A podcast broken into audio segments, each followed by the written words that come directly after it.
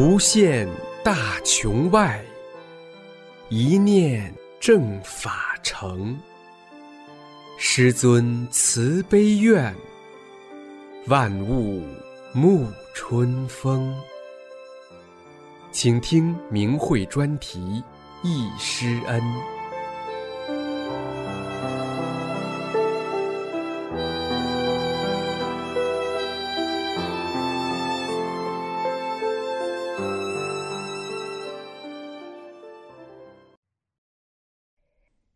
请听明慧一师恩专题文章，与天下有缘人分享我的快乐，我与家人的修炼故事。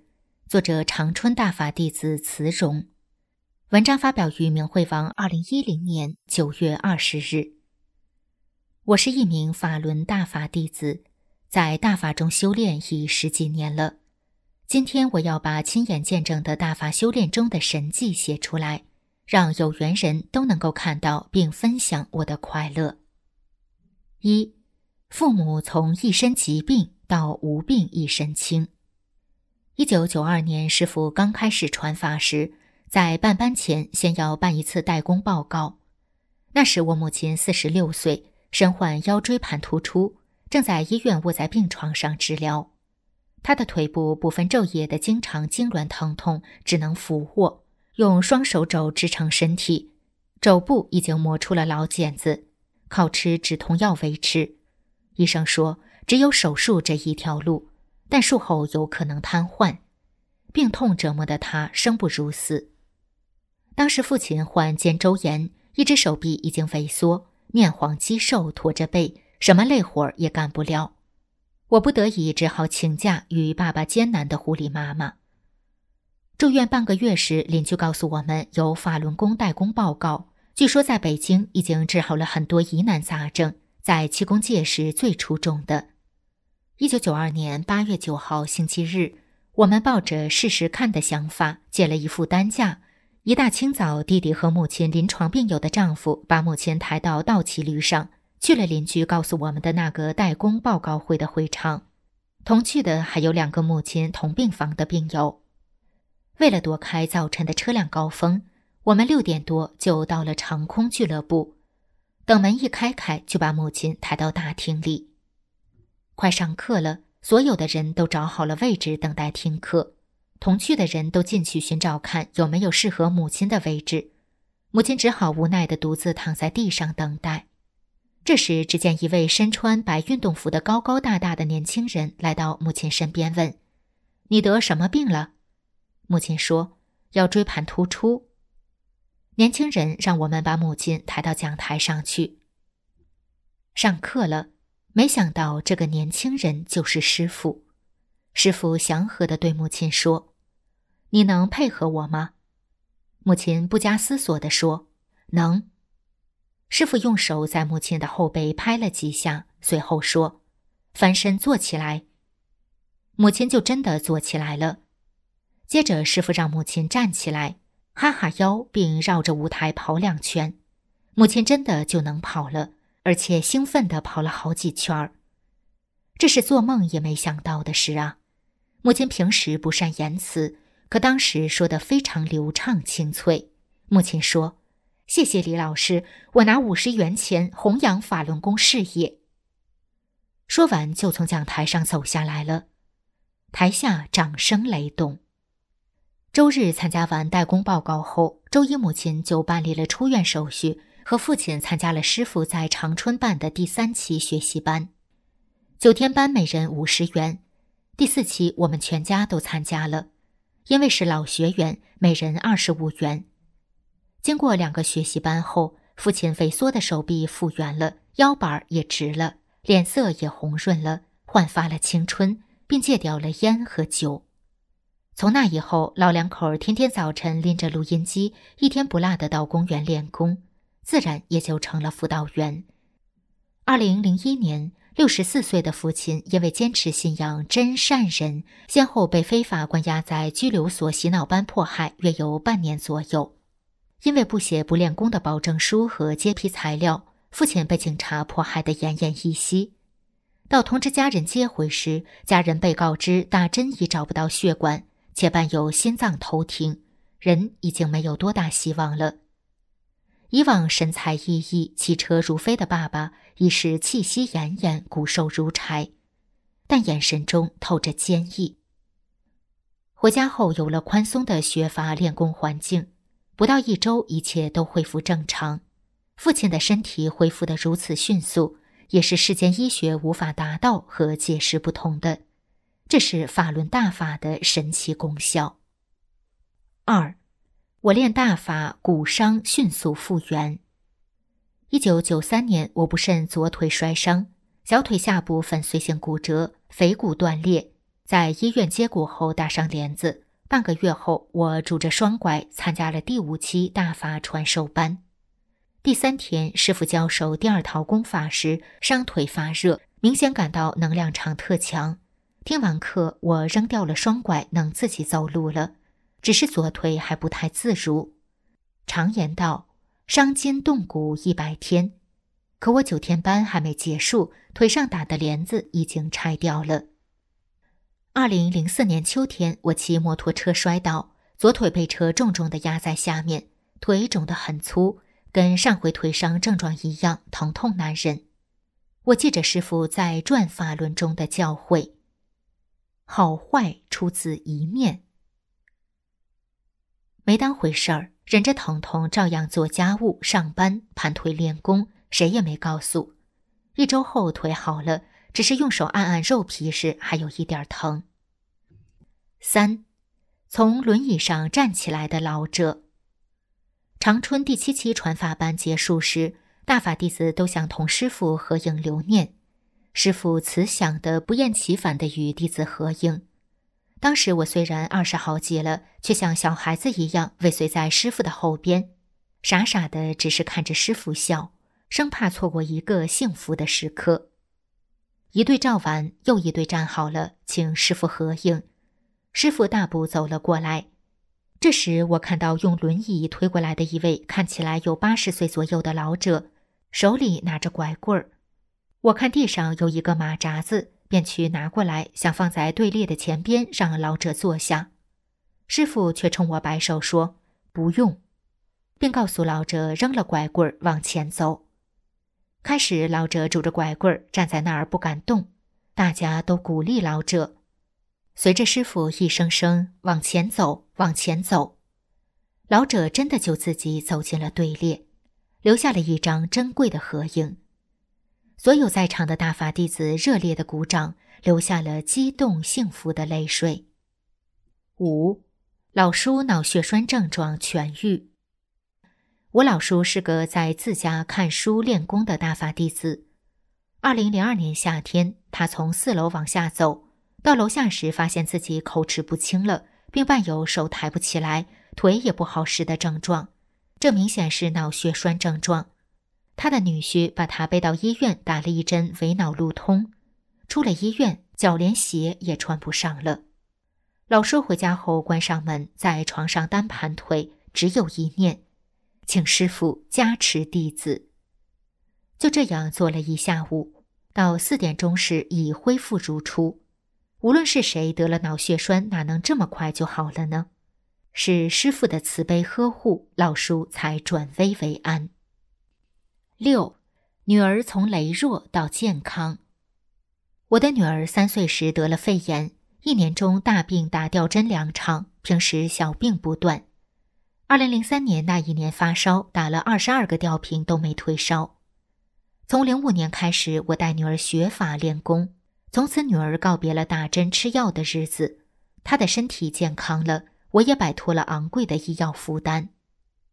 二零零五年八月二十一号开学的第一天早晨，女儿在头前抱轮和两侧抱轮时吐了两大滩黄脓一样的东西，身体得到了进一步的净化。二零零七年开始，女儿经常听大法弟子写的曲子练习舞蹈，成型的舞蹈就学会了好几个。好的音乐比药还灵，现在孩子越来越漂亮，越来越健康。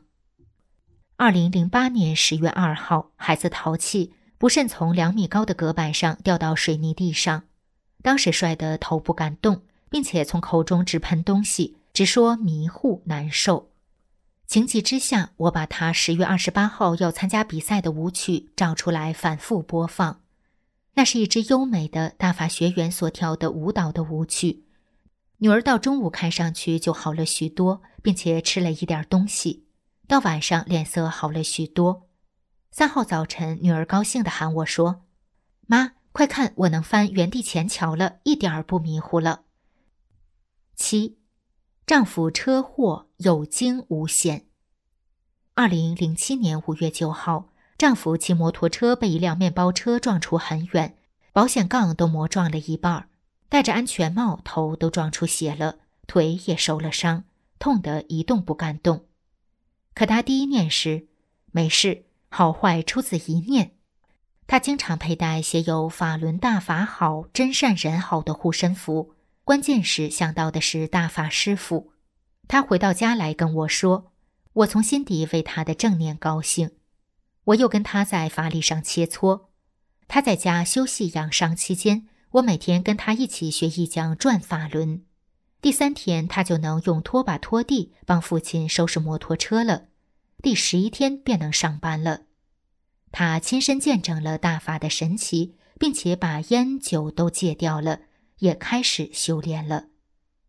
八，二姑看神韵，眼疾顿消。二姑今年八十岁了，是个老居士，信佛虔诚，过午不食。信佛二十多年了，期间住过几次医院，气管不好，呼吸困难，有一次还送医院抢救。那一次很悬，二姑眼神不好，医院诊断为青光眼，看不清人。七十四岁时左眼做了一次手术，不但没好，相反更严重了，面对面不认人。老人要强，不愿跟儿女生活，自己过习惯了，但因视力不好，非常苦闷。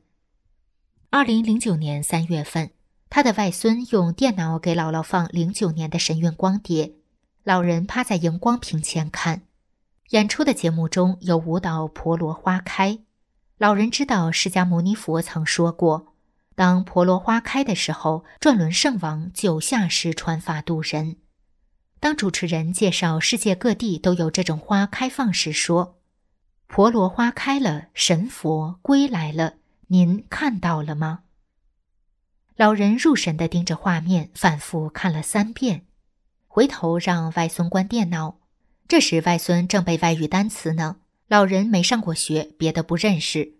这时指着的字、不字对外孙说：“这是不字，这是的字。”事后兴奋地跟我们说：“那字还没苞米粒大呢。”从此能认真做针线活了。从那以后，老人也开始修炼法轮大法了。如今皮肤细嫩、白白净净，三分之一的头发都变黑了，越活越精神。我所见证的只是大法弟子在修炼道路中的沧海一粟。其实，每位大法弟子的修炼历程都是一部厚厚的、耐人寻味的见证史，感人泪下。其实法轮功就是使人类道德回升、身体健康的上乘功法。在人类道德急速下滑的今天，一切的不如意都是人不好的心促成的。大法弟子的家庭幸福、身心健康是修真善忍得到的。作为不修炼的你，只要记住救命的九个字：法轮大法好，真善人好。危难来时，只要你能想起这句话，你就一定能平安的度过劫难。愿所有的家庭都幸福美满，愿所有善良的人们都平安吉祥。弟子全家叩谢师傅的慈悲苦度。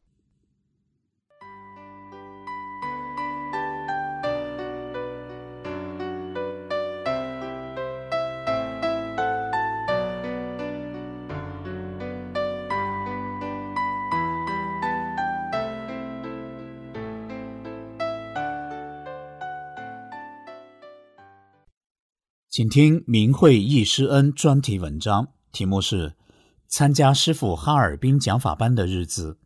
文章发表于明慧网，二零零七年七月一日。一九九四年八月五日，是我终生难忘的日子。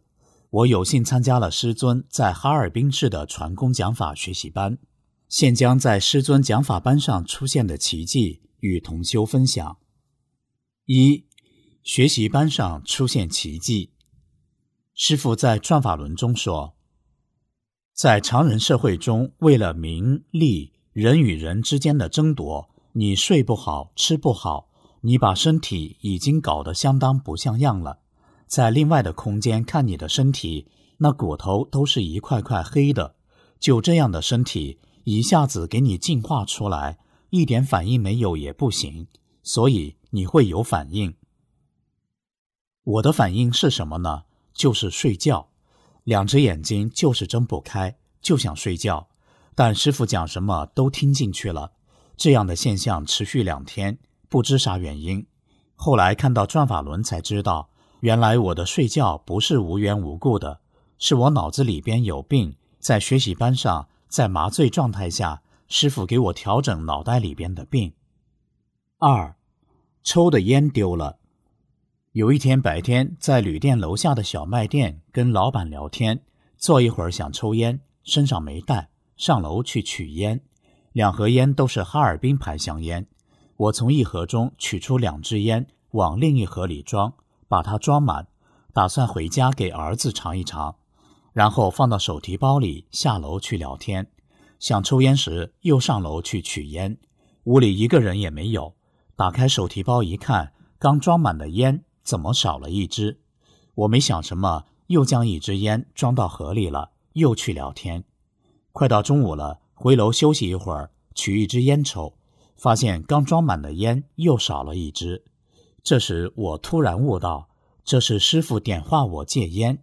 我当时就向师傅发誓：“师傅不要再为弟子操心了，我从此以后不再抽烟了。”从那时起，十几年过去了，从未抽过一支烟。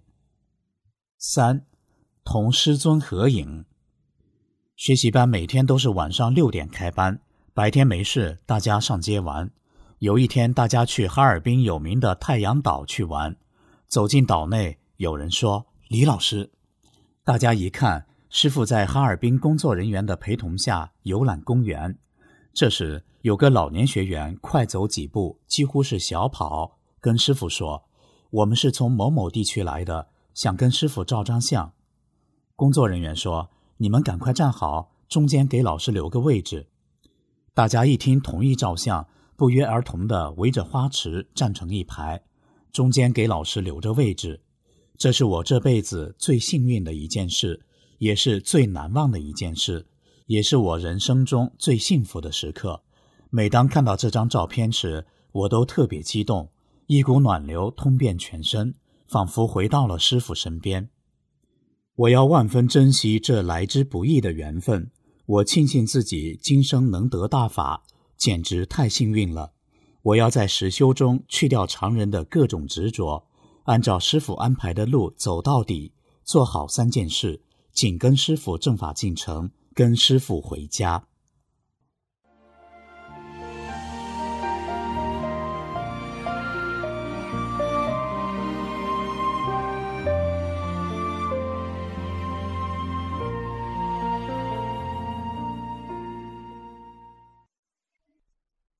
请听易师恩专题文章，题目是《法轮大法给了我新生》，作者辽宁朝阳大法弟子。文章发表于明慧网，二零零四年十月二十四日。我今年六十岁，是个没有文化的老太太。九零年得了严重的疾病——类风湿，这种病特别折磨人，两腿肿得很粗。骨关节变得弯曲，又粗又硬，疼痛难忍，生活不能自理。老伴带我到处求医，贵重药吃了无数，也不见效。老伴对我说：“人家说这是不死的癌症。”四个孩子也多方努力买药伺候，本来一个好好的家，被我的病闹得没有欢乐，经济困难。我也是痛不欲生。一九九四年，法轮大法红传到我家，我们好多邻居朋友都在学法轮功，他们告诉我法轮大法很好，你也练功吧。我也想练，可一想到自己的身体不能自理，行动不便，手脚到处都不好使，咋练呀？太困难了。但是我想，再难我也要练。好在有许多同修帮助我，每天都连抬带架的。把我带到俱乐部广场上，最初做动功根本不像个样子，抱轮更是举不高。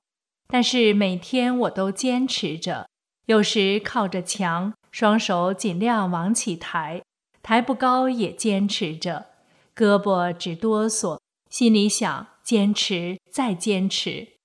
师傅看我有坚定的心，就开始管我了。我真切地感到。有大法轮在旋转，呼呼作响，像磨盘那么大。后来感到身体一点点的好转，走路也比以前好多了。九四年，师傅亲自来我们俱乐部传法了，亲眼见到师傅，我的心情无比激动。师傅是那样慈祥高大，在学习班上，师傅说。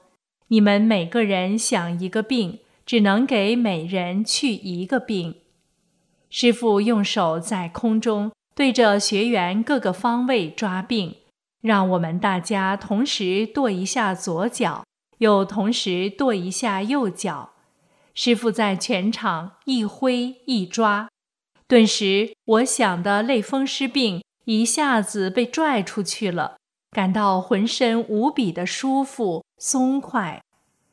第二天，师傅正式讲法，就这样，我每天都去听，由第一讲听到第九讲，自己慢慢的知道了许多法理，知道自己活着是为了返本归真，心性不断的升华。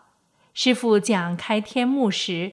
我也隐约的看到另外空间的山啊、水啊。十一天班下来，我的身体变化太大了。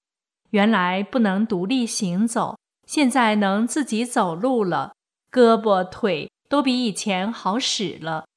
但比起正常人还差的很多。自己深切的认识到，这法轮功太好了，师傅太好了。我们几个人。又跟了师傅好几个班，从锦州到长春、大连、哈尔滨、延吉，每次班下来，心性、身体都发生很大的变化。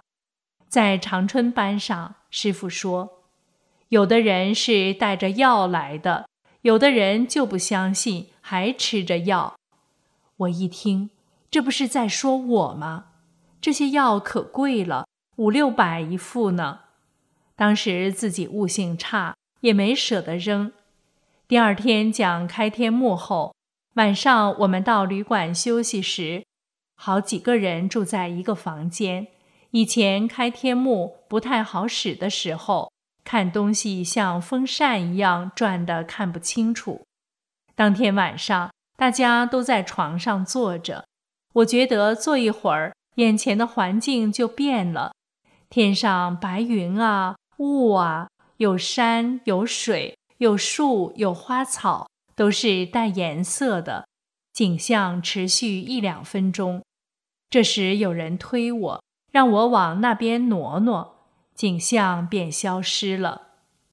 在锦州班、大连班、哈尔滨班，李老师当场给学员抓病，抓出的灵体往后台摔时，听那动静。吱吱的，像麦克风的电声，嘎吱嘎吱的响叫。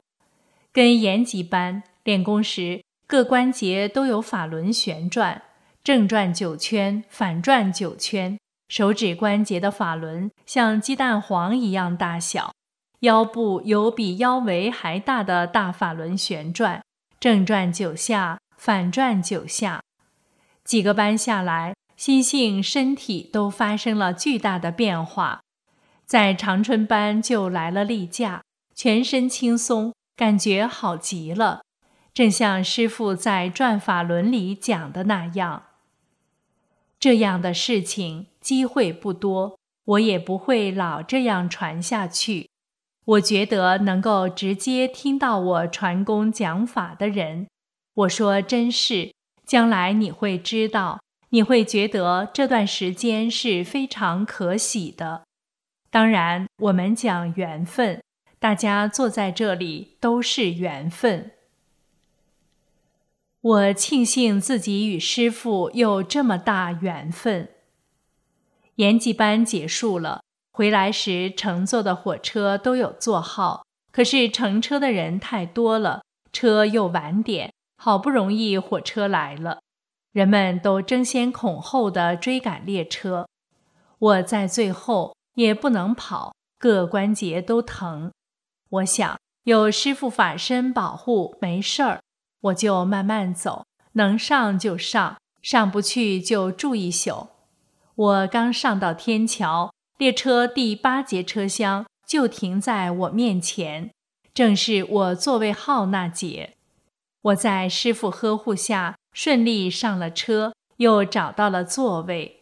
车上人多极了，行李架上、椅子下面都躺满了人。回来后。我修炼的心无比坚定，每天集体练功。转法轮出版后，我们又成立学法小组，每天午后一点开始在我家学法，最后都能读大法书了。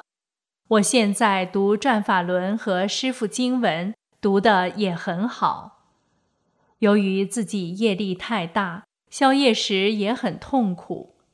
师父在经文并业中说：“那么我们修炼的人，除了师父给消的业以外，自己还得还一部分，所以会有身体不舒服，像有病一样的感觉。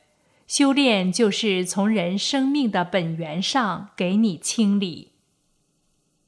有时关节特别疼时，我就吃点药。”有一次，师傅在梦中点化我：“练功人不吃药，那不是病，是宵夜。”自己就下定决心，在以后几年的宵夜中，我都守住心性，承受着。小的疼痛不算啥，经常出现。九五年连续宵夜两个多月，九六年四个多月，九七年五个多月，九八年一年半。这期间也是极痛苦的，小臂以下双手出现密密麻麻的小点子圆圈，都是紫色的，又疼又痒，看起来很恶心。各关节肿胀变形，心像油煎一样难受，上不来气儿，腿上起个大包，有鸡蛋大，盘腿盘不上，走路又疼，一拐一拐的。我每次宵夜都咬牙忍受着，对大法坚信不动摇。每天即使这么痛苦，家务活也挺着干，也能干，跟常人时不是一个状态。九九年，我们又参加了四二五万人大上访，到北京向政府反映情况。当时有很多人都看到天空中出现了大法轮。很多常人都驻足观看，万人上访，秩序井然。撤离后，地上干干净净，杂物全装入塑料袋，连纸屑都捡得一点没剩。九九年七二零，江泽民利用手中的权力对法轮功进行疯狂的迫害，一时间白色恐怖遍布中国大陆每一个角落，每个大法弟子。经受着严峻的考验，正如师父在经文《心自明》中讲的：“生死非是说大话，能行不行见真相。”在那种邪恶的环境下，我当时怕心也很重，但自己坚信师父，坚信法，邪恶无法动摇我修炼的心。在持续五年的镇压中，我紧跟师父的法传，同化大法，修去执着心，在巨难中没有倒下，顶着压力证实大法，挂条幅、发传单，用自己身体的变化向世人讲真相。见到不精进的弟子，不厌其烦地去帮着他们。多次去老家弘扬大法，带着真相资料。虽然做了证实大法的事。可自己总觉得比起精进的同修差距很大。我们在世间正实大法接近尾声，在这最后的机缘中，我要遵照师傅的话去做，放下人心，救度众生，圆满随师还。